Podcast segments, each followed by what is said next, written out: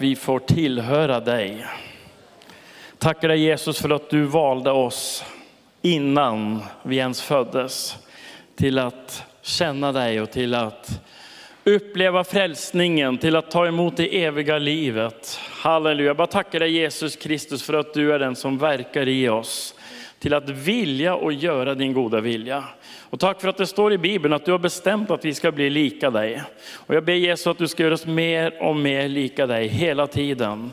Så människor i den här världen, i mörkret, kan få se att du Jesus strålar ut genom våra liv. Vi ber om det i ditt underbara namn. Amen. Underbart att vara här. Jag känner mig alltid hemma när jag är här. Jag är inte så mycket här på söndagar, men vi har varit en del med våra ungdomar. Eh, och vi har varit ute och evangeliserat en del med vårt gäng från Flen. Vi har varit ute och joinat pannkakskyrkan här i stan ett par gånger. Älskar Eskilstuna, det gör vi verkligen. Vi älskar Sörmland, även om vi bor i Flen. Så det är gott att vara här. Det känns som jag är hemma. Om ni undrar vem jag är så är jag norsk. Jag är norrman, född i Norge men har bott i Sverige sedan 93. Så jag ska inte köra på norska idag, för den har, det har jag, glömt bort. jag har glömt bort mitt modersmål, så vi kör på svenska idag. Men eh, den här veckan så var jag bortrest på konferens och jag var väldigt orolig. Jag tänkte, vad, hur ska det gå med förberedelsen till mötet där i Eskilstuna? När ska jag få tid för det här? För jag har varit fullt upptagen och springer från morgon till kväll på massa möten. Så satt jag där igår och sa, Gud det här ser inte bra ut. För sen ska vi åka hem mitt i natten och jag var i säng klockan två i natt. Så jag bara, igår så jag var så orolig, jag bara, Gud, när ska jag få tid att förbereda budskapet? Så jag sitter och pratar med Gud under predikan istället för att ta anteckningar. Då bara upplevde en helig ande säga till mig, Daniel, predika om det här budskapet, utgå från de här bibelverserna. Och på fem minuter så gav mig hela predikan medan jag satt och lyssnade på en annan predikan. Så Gud är god. Han hjälper oss när vi inte hinner förbereda så mycket. Det som jag har på hjärtat idag tror jag verkligen är ett, ett budskap till alla församlingar här i Eskilstuna. Och eh, jag vet att ni gör det här redan, men jag vill uppmuntra er redan i det ni gör. Och eh, dagens titel heter Övervinn det onda med det goda. Övervinn det onda med det goda. Det är bra att vi ber för vår stad, det är bra att vi ber för Eskilstuna, det är bra att vi ber för Sverige. Men du vet, bön allenast räcker inte. Då tänker du som är här idag som älskar bön, du tänker nu kommer han med en falsk lära. Nej, jag ska visa utifrån Bibeln, det är faktiskt så här. Endast bön i sig, är, alltså det räcker inte, det är bra och det behövs och det är viktigt. Och Gud verkar när vi ber. Men bön måste kopplas upp med något mer. Och eh, jag ska ta dig på en liten eh, kort resa här. Eh, Romarbrevet 12.21, om vi kan börja där, om vi får upp det här på någonstans. Där. Låt dig inte besegras av det onda, utan besegra det onda med det goda. Goda gärningar är ett vapen mot ondskan. Har du tänkt på det? Goda gärningar, när du gör gott, så är det ett vapen mot ondskans krafter. Här i Eskilstuna, alltså ni är ju kända. Jag bor inte i Eskilstuna, men jag bor i Sörmland. Eskilstuna är ju känd i Sverige för skjutningar, för mord, för hemskheter som händer hela tiden. Och när ondskan breder ut sig så är ju frågan till församlingen, hur ska vi göra nu? Vad ska vi göra nu? Hur ska vi övervinna det här? Och då säger Bibeln, övervinn det onda med det goda genom att göra gott. I Matteus 5 och vers 16, vi kan se om vi får upp det också här, så säger Jesus så här, på samma sätt ska ett ljus lysa för människorna. Det här ljuset är inte att du går runt med ficklampa på stan, eller att du bara går runt och säger, åh jag hoppas att alla ser Jesus i mig, utan det är någonting mer. Jesus säger så här, när de ser era goda gärningar. Ljuset, en del av ljuset är de goda gärningar som vi gör. Så jag blir så glad när jag hör liksom, om ni är ute och Nyfors och ni är ute på stan och ni gör saker här och där. Jag bara wow, de har begripit det här, de fattar det här i Eskilstuna. Så jag vill bara uppmuntra er att fortsätta med det ni gör. Men Jesus säger så här, låt ett ljus lysa för människorna så att de ser era goda gärningar och prisar er fader i himlen. Alltså de behöver se någonting. De behöver se, de behöver inte bara höra, de behöver se något. Eller hur? Det här var det som drog mig till Jesus. Min mamma bad för mig och hennes böner de fungerade.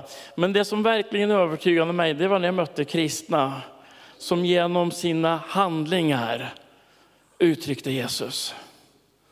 Då bara kände jag, oj, det här var något mer än bara ord, eller hur? Och den här världen blir inte övertygad med ord allenast, utan det behövs något mer. Och Gud vill att du och jag ska backa upp vår tro och våra ord och våra böner med goda gärningar. Då kommer vi att övervinna det onda. Nu ska vi gå in på huvudtexten och det är Jesus själv som talar i Lukas 6. Ett lite längre avsnitt här. Och sen har jag inte med bibelvers utan jag ska ha lite, berätta lite också. Lukas kapitel 6 när jag blev frälst var jag 19 år gammal, det är över 30 år sedan nu. Och eh, då fick jag höra att det finns de som säger, det här var, var ganska utbrett förstår jag. Det finns teologer och andra som säger så här att bergspredikan är inte skriven för att du och jag ska följa den, därför att det klarar ingen. Utan det är bara ett högt ideal som visar hur vi egentligen borde leva, men vi kommer bara göra så i himlen. Så syftet med bergspredikan var att Jesus bara skulle säga något trevligt till oss, att egentligen borde ni leva så här, men det kommer ni aldrig göra. Och jag tänkte, vad konstigt, är det verkligen så? Har Jesus, skrivit, har Jesus skrivit ner allt det här för att vi bara ska läsa det här, men att det ska inte ha någon relevans i våra liv? Och jag tänkte, det kan väl inte vara så? För Jesus han säger ju själv, ni ska gå ut i hela världen och lära dem att hålla allt vad jag har befallt er. Så jag tänkte det där stämmer nog inte. Jag tror nog att Jesus menar att vi ska göra det han säger. Så det är min utgångspunkt idag, att Jesus menar vad han säger och han vill att vi ska göra det han säger. Och då står det i Lukas kapitel 6. Och vi kan börja i vers, jag har svårt att uttala det på svenska. Det är min norska som går igenom, så jag brukar säga på engelska, verse 27. Luke 6.27, jag klarar inte att säga 27, jag har jättesvårt att uttala det. Men till er som lyssnar säger jag, älska era fiender och be för dem som hatar er. Säger han det? Vad säger han? Gör någonting! Gör gott! Gör gott! Älska era fiender, gör gott. Vi kan nu börja göra gott mot dem som gillar oss. Vi kan nu börja göra gott mot dem som inte hatar oss. Men Jesus han drar det till sin spets. Han säger ni ska göra gott även mot dem som hatar er. Varför? Därför att det onda besegras med det goda.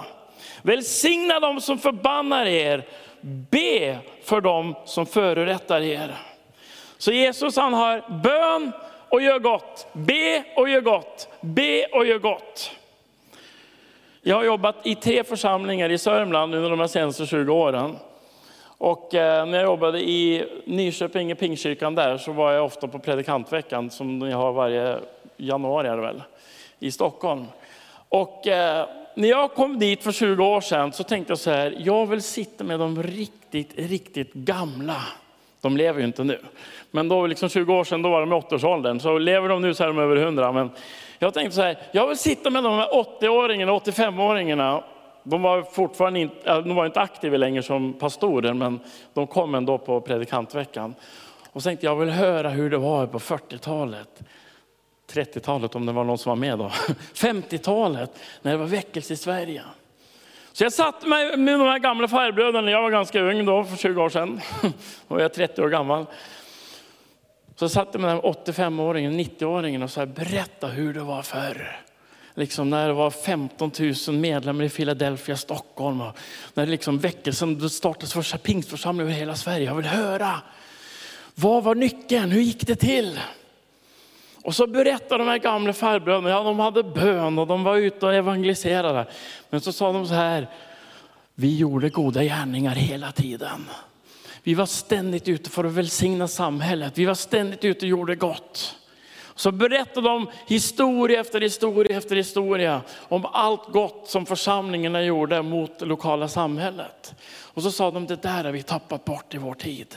Vi har blivit så själviska, så självupptagna. Jag tänkte wow. Så berättade de, det, var, det här var gripande. Då berättade en farbror, han sa så här att de tog av, det här var ju 30-talet, när Sverige var fattigt.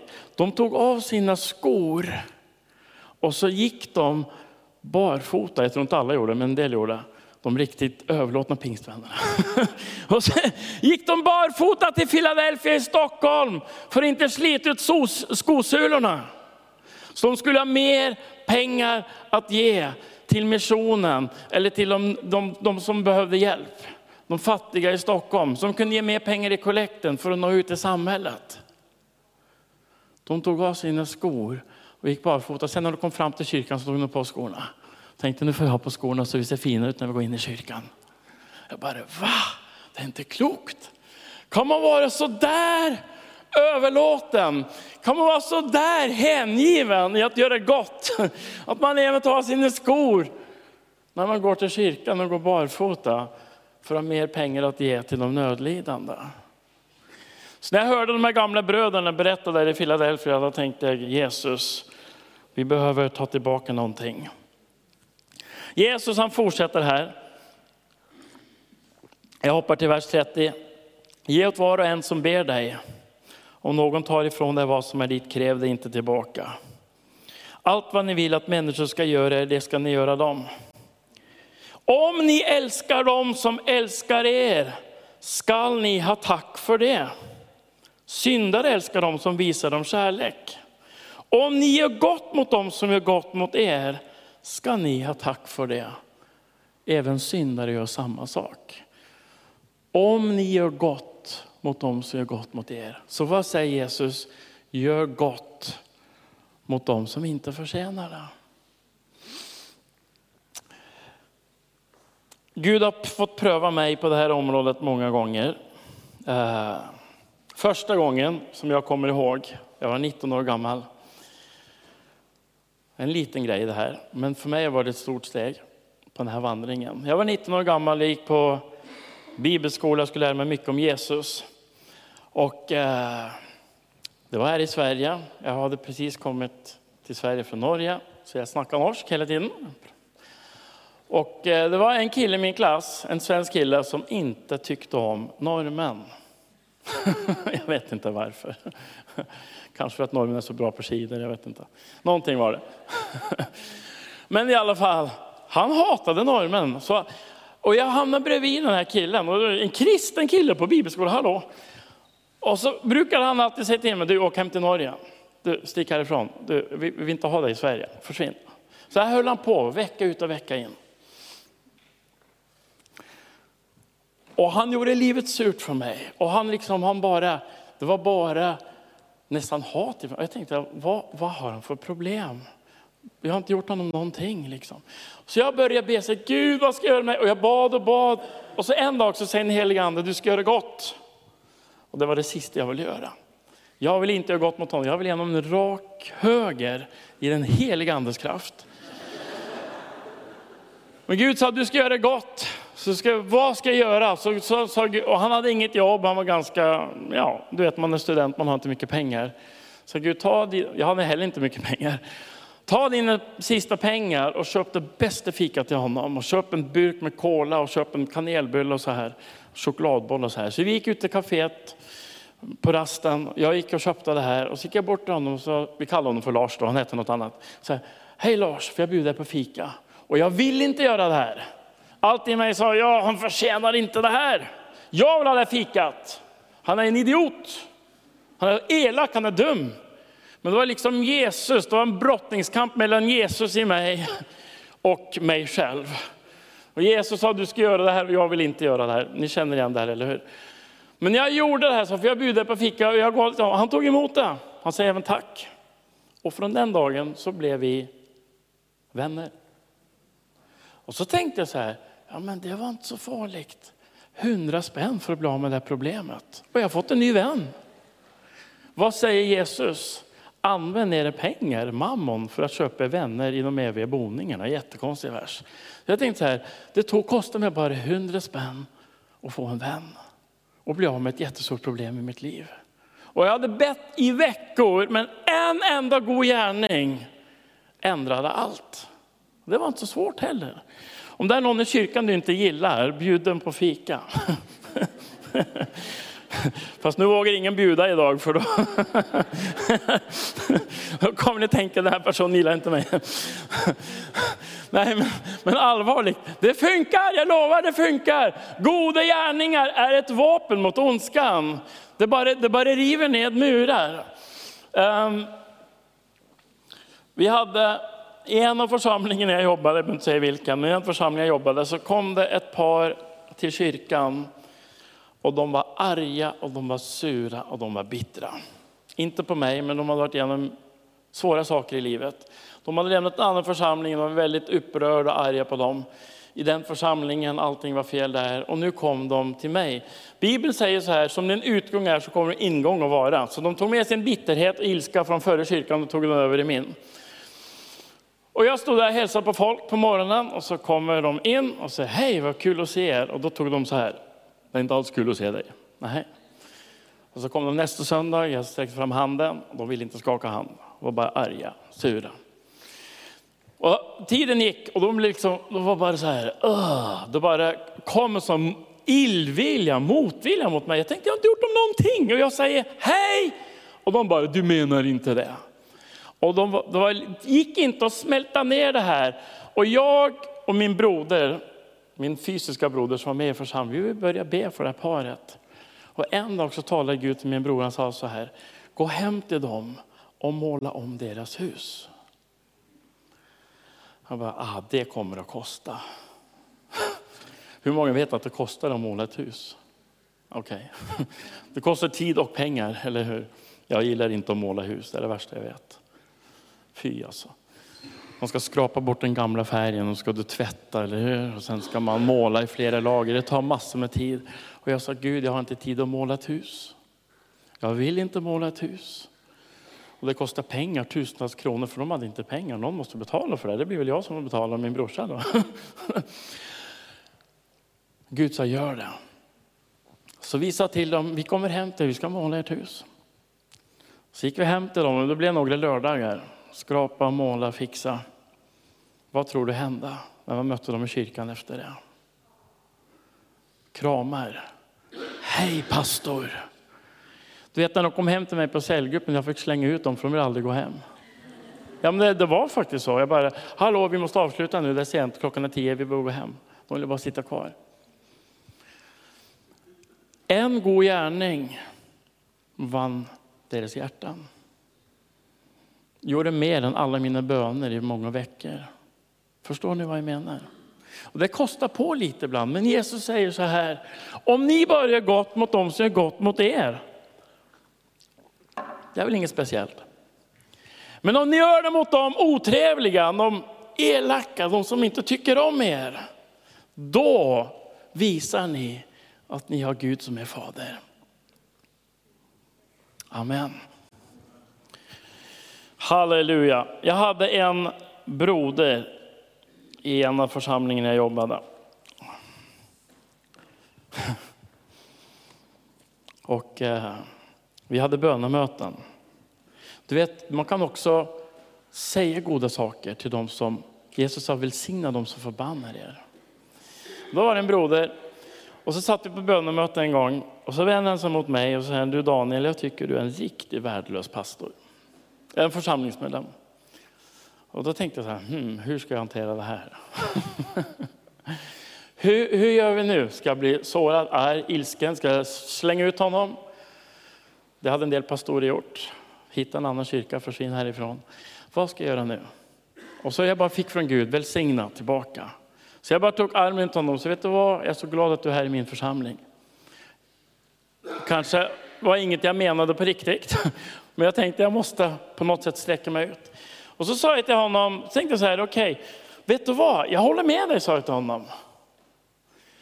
För Bibeln säger ju det, eller hur? Gud väljer det som ingenting är. Det står det i första Korinthierbrevet. Gud väljer nollor. Paulus säger Gud väljer de som är ingenting.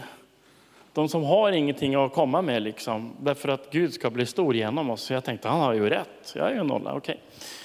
Så, så jag bara... så jag sa, men, men, men vet du vad broder? Jag tror du har rätt, sa jag. Men kanske du kan hjälpa mig då att bli en bättre pastor? Skulle du kunna vara en hjälp för mig? Och det kostade att säga det. Förstår ni vad jag menar? Man skulle vilja säga något helt annat. Det, det, ska, det ska du säga. Liksom. Du gör ingenting i kyrkan, lyfter inte en finger, du hjälper mig inte med någonting. Det var ju sanningen. Han gjorde ingenting. Men istället så bara, tack för att du påpekade det. Kan du hjälpa mig med någonting? Finns det något som du kan hjälpa? Kan du vara ett stöd och hjälp för mig? Han blev helt chockad. Och jag fick avväpna honom direkt. Välsigna dem som förbannar. Vi eh, finns i Flen, vår församling finns i Flen. Vi har en kristen förskola. Och eh, det är inte alla kommuner eller politiker som gillar kristna förskolor i Sverige. Eh, det har jag fått uppleva. Men i alla fall, då var det en, en dam på kommunen som satt högt uppe. Och eh, de hade ja, bestämt sig att de skulle vara glada om vi inte fanns eftersom vi hade en kristen skola. Och eh, en, en, en dag så gick jag ned för att äta på stan på en restaurang som heter Believe och jag sitter där och äter. Och då sitter hon med alla de höjdarna inom kommunen vid bordet bredvid. Så pekar hon på mig och så säger hon, ja där är de där som vi vill ha bort. de här som har kristna förskolor så här. Och jag tänkte, Gud, hur ska jag kunna göra någonting med det här? Vad ska jag göra liksom? Och vi bad, vi bad jättemycket. Vi bad i månader för den här damen. Vi bad jättemycket. Vi hade morgonbön fem dagar i veckan, vi bad massor. Och sen en dag så upplevde Gud sa, skicka blommor till henne och tacka henne för allt gott hon gör i kommunen. och följ upp det med ett mejl också där du bara skriver liksom massa så här, tack för allting och alla insatser de gör, att de jobbar så hårt för allas bästa och så här. Det tog emot. Och jag fick inte med mig alla i församlingsledningen på det här, så jag fick betala blommorna själv. för de tyckte inte det var så bra idé alla. Men i alla fall. Så jag, jag köpte blommor, skickade till henne. Och sen skrev jag ett mejl och sa jag vill bara tacka dig för allt gott du gör för vår stad, vår kommun. Och jag tackar Gud att du finns. Och jag hoppas att Gud ska hjälpa er att fatta bra beslut i den här kommunen och så här.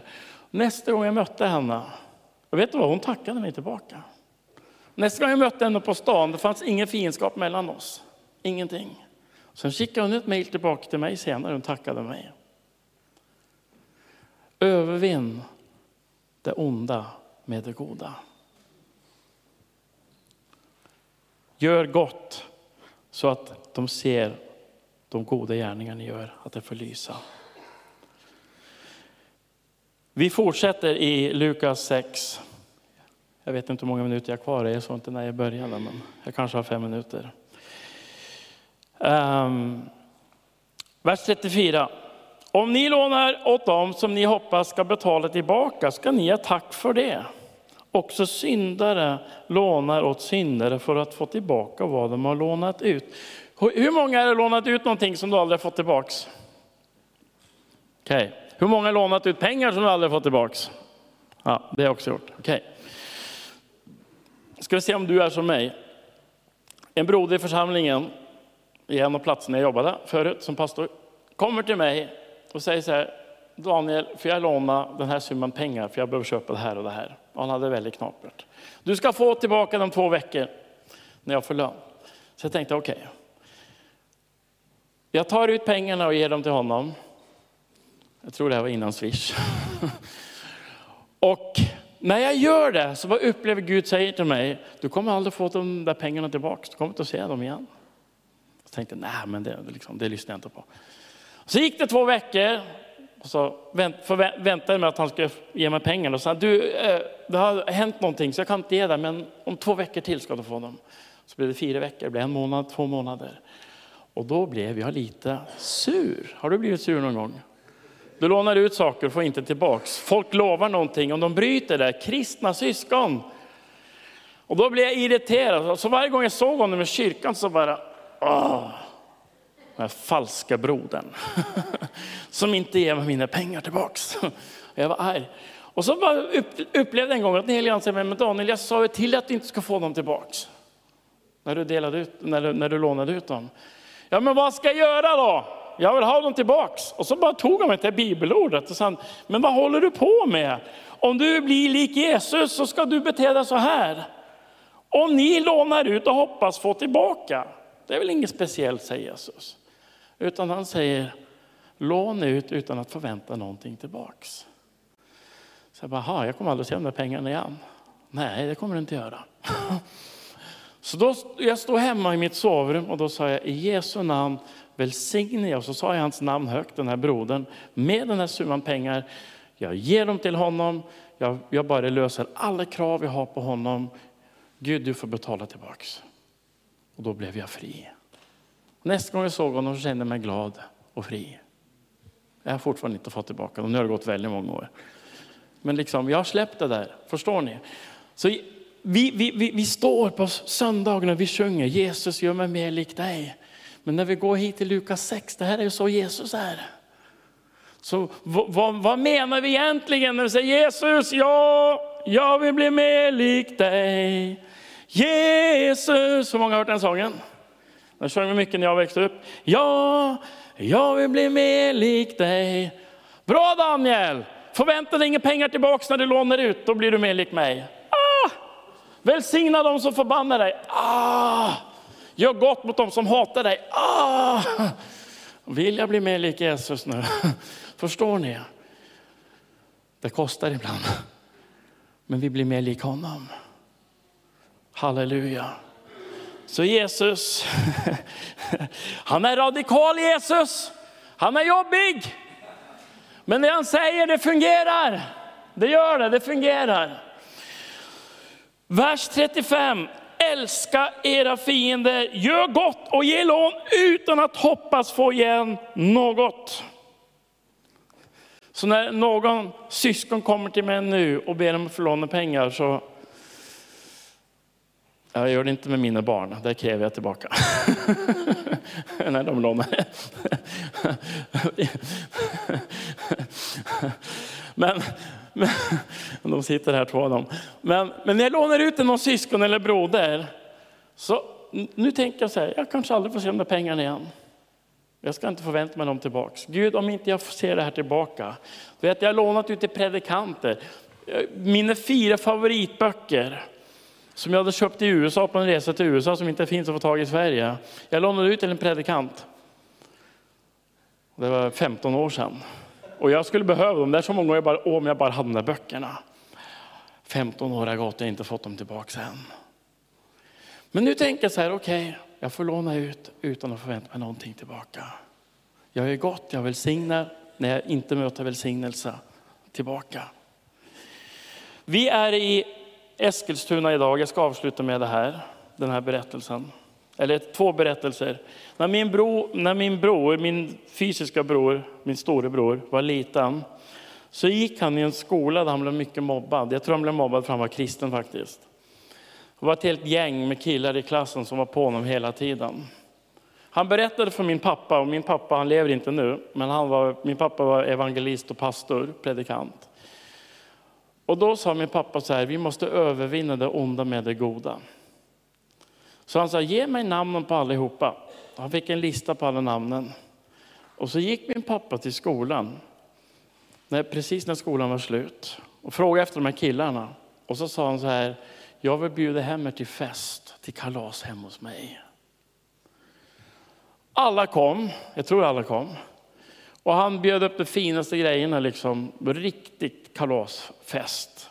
Och min bror han bara, vad ska du bjuda hem mobbar, mobbarna? Som hela tiden liksom slår mig och är på mig. Hem till mig! Pappa vad gör du?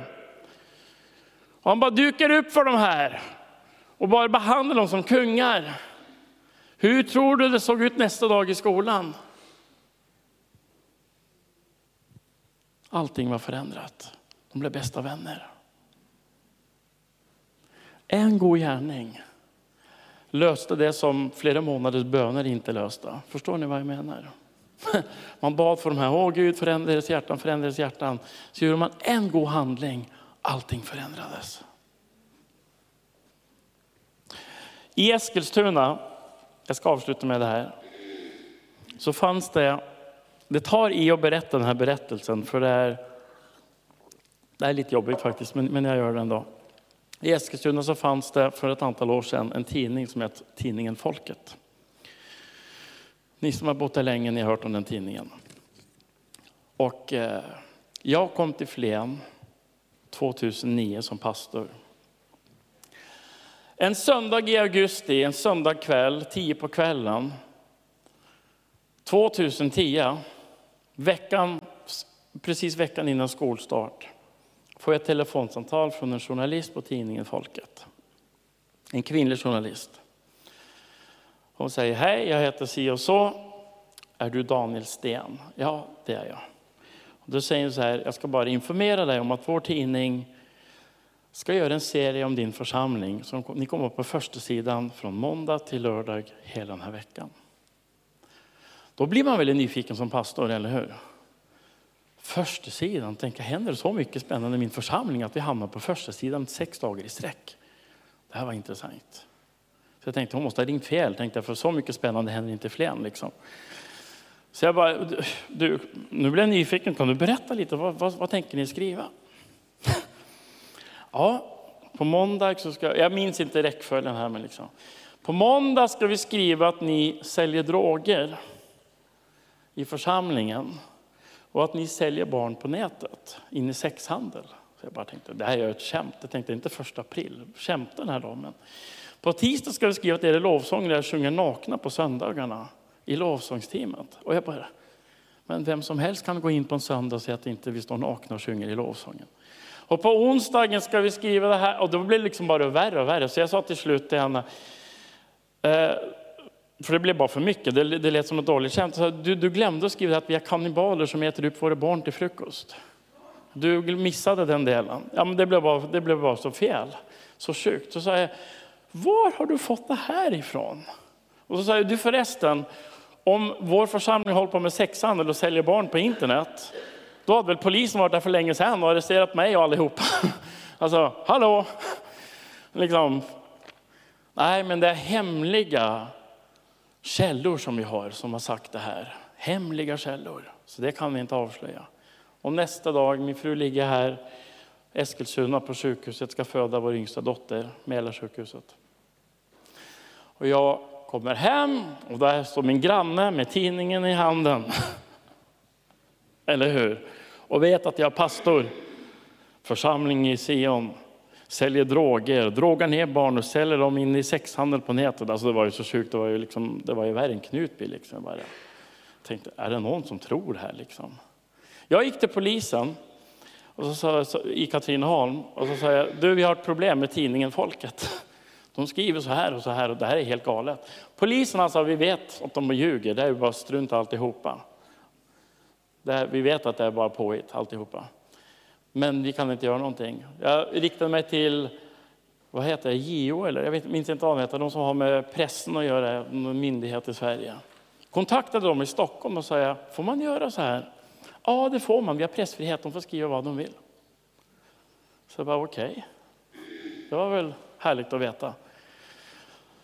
Så vi hade en bönevecka och så bad jag till Gud, så Gud vad ska jag göra, hur ska vi göra med det här? Och Gud gav oss en handlingsplan och bön var en viktig del. Vi gick ner till tidningens lokaler i Flen mitt i natten och smorde med olja och så sa vi Jesu namn ska den här tidningen stänga igen. Och det här kontoret ska stänga igen och folk, tidningen Folket i Sverige, alltså i, i vår region, ska stänga ner helt. Den här tidningen ska stänga igen. För de har gått emot Guds församling med att sprida massa lögner och grejer. Så vi bad där. Vi, sa, och vi talade ut av församlingen, från och med nu ska den här tidningen för, förlora prenumeranter och sen ska den stänga igen och gå i graven. Vilket hände. Men i, i alla fall, Jag kände sån ilska mot den här journalisten. Hon fick faktiskt Stora journalistpriset i Sörmland för de här artiklarna. Så jag bara, det här är inte klokt. Så jag bara, Gud vad ska jag göra? Och vet du vad han sa? Skicka blommor till henne och ett kort med en jättefin hälsning. Och jag kommer ihåg när jag satt där med vår församlingsledning och jag sa upplever Gud att tala att vi ska skicka en stor bukett blommor till den här journalisten. Och en önskan om Guds välsignelse. De var inte glada. Jag var inte glad, jag ville skicka en brevbomb eller något annat. Liksom. En spikbomb, någonting liksom. Så jag bara, Gud ska verkligen göra det här. Och Gud sa, gör det. Och så sa han, kom ihåg Daniel, din kamp är inte mot kött och blod.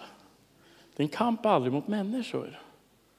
Din kamp är inte ens mot en tidning eller en journalist. Det står i någon helt annan, alltså den kampen pågår någon helt annanstans. I den andliga världen. Övervinn det onda med det goda. Så vi skickade en stor bukett blommor till henne, även om vi inte alla tyckte jag skulle göra det, vi gjorde det i alla fall. Skickade kort. Och jag tackade också. Varför då? Därför att Jesus han sa så här. Välsigna den ni när folk talar illa om er, ljuger om er och talar allehanda ont om er. Stor är er lön i himlen. Så jag tänkte wow, nu ska jag få en riktigt fet lön i himlen. Tack vare den här journalisten. Då måste jag ju tacka henne. Eller hur? Det blev bara ännu mer belöning i himlen. Wow, vilken journalist. Hon hjälper mig att få en ännu större lön. Så jag skickade den här buketten till henne. Och sen fick jag höra två veckor senare, hon flyttade från stan och lämnade stan. Och från den dagen, när vi valde att välsigna, inte förbanna. Man vill ju förbanna tidningen, man vill förbanna journalister, man vill tala illa om dem. Vi valde att välsigna. Välsignad. vi bad och välsignade henne, vi välsignade. Men samtidigt så sa vi att den här tidningen får inte finnas. Därför att den sprider sådana allvarliga lögner. Prenumerationen gick bara ner, och bara började störtdyka. Folk sa upp prenumerationerna, annonsörerna drog sig ur. Två år senare, jag tror det var två år senare, jag minns inte exakt. Det går att läsa på Wikipedia om när tidningen stängde igen. Jag tror det var två år senare. Jag går och handlar på ICA i Flen. Och så säger Sörmlandsradion, nyheterna. Idag har Sveriges äldsta tidning, tidningen Folket, stängt igen för gott. De har haft sämre och sämre ekonomi de senaste två åren och tvungna att säga upp all personal och nu har de stängt igen, det finns inte den kvar. Och jag, står, jag kommer ihåg jag står vid mjölkdisken på Ica och jag bara halleluja. Varför? För Jesus säger, eller Bibeln säger så här, Gud ska strida för er. Men vår uppgift är att göra gott. Vår uppgift är att välsigna. Vår uppgift är att be för dem som gör oss illa. Och jag tror att ni som församlingar i Eskilstuna har fått en nyckel från Gud. När ni gör gott mot den här staden, när ni gör gott, när ni går in i, eller Årby det heter, och de här olika platserna. Ni bjuder på korv och ni visar kärlek. Det talar mycket mer än tusen ord. Ska vi be tillsammans? Halleluja. Jesus, vi bara tackar dig för att du kallar oss att gå i dina fotsteg. Och du säger att vi ska inte vara som alla andra som bara gör gott när vi själva vinner på det eller när vi får någonting tillbaka. Utan du säger vi ska välsigna när vi blir förbannade. Du säger vi ska göra gott när folk är ont mot oss. Du säger till oss, övervinn det onda med det goda. Och jag ber att du hjälper samtliga församlingar i den här staden att ta den här utmaningen. Att mörkret i Eskilstuna ska övervinnas, inte bara genom bön, men också genom handling, genom goda gärningar. Genom att man går ut och välsignar stadsdelar, personer, människor, även medlemmar i olika gäng som kanske inte förtjänar det. Jag vill bara tacka dig helige Ande för att du ger nya initiativ och tankar och idéer till församlingarna i den här staden.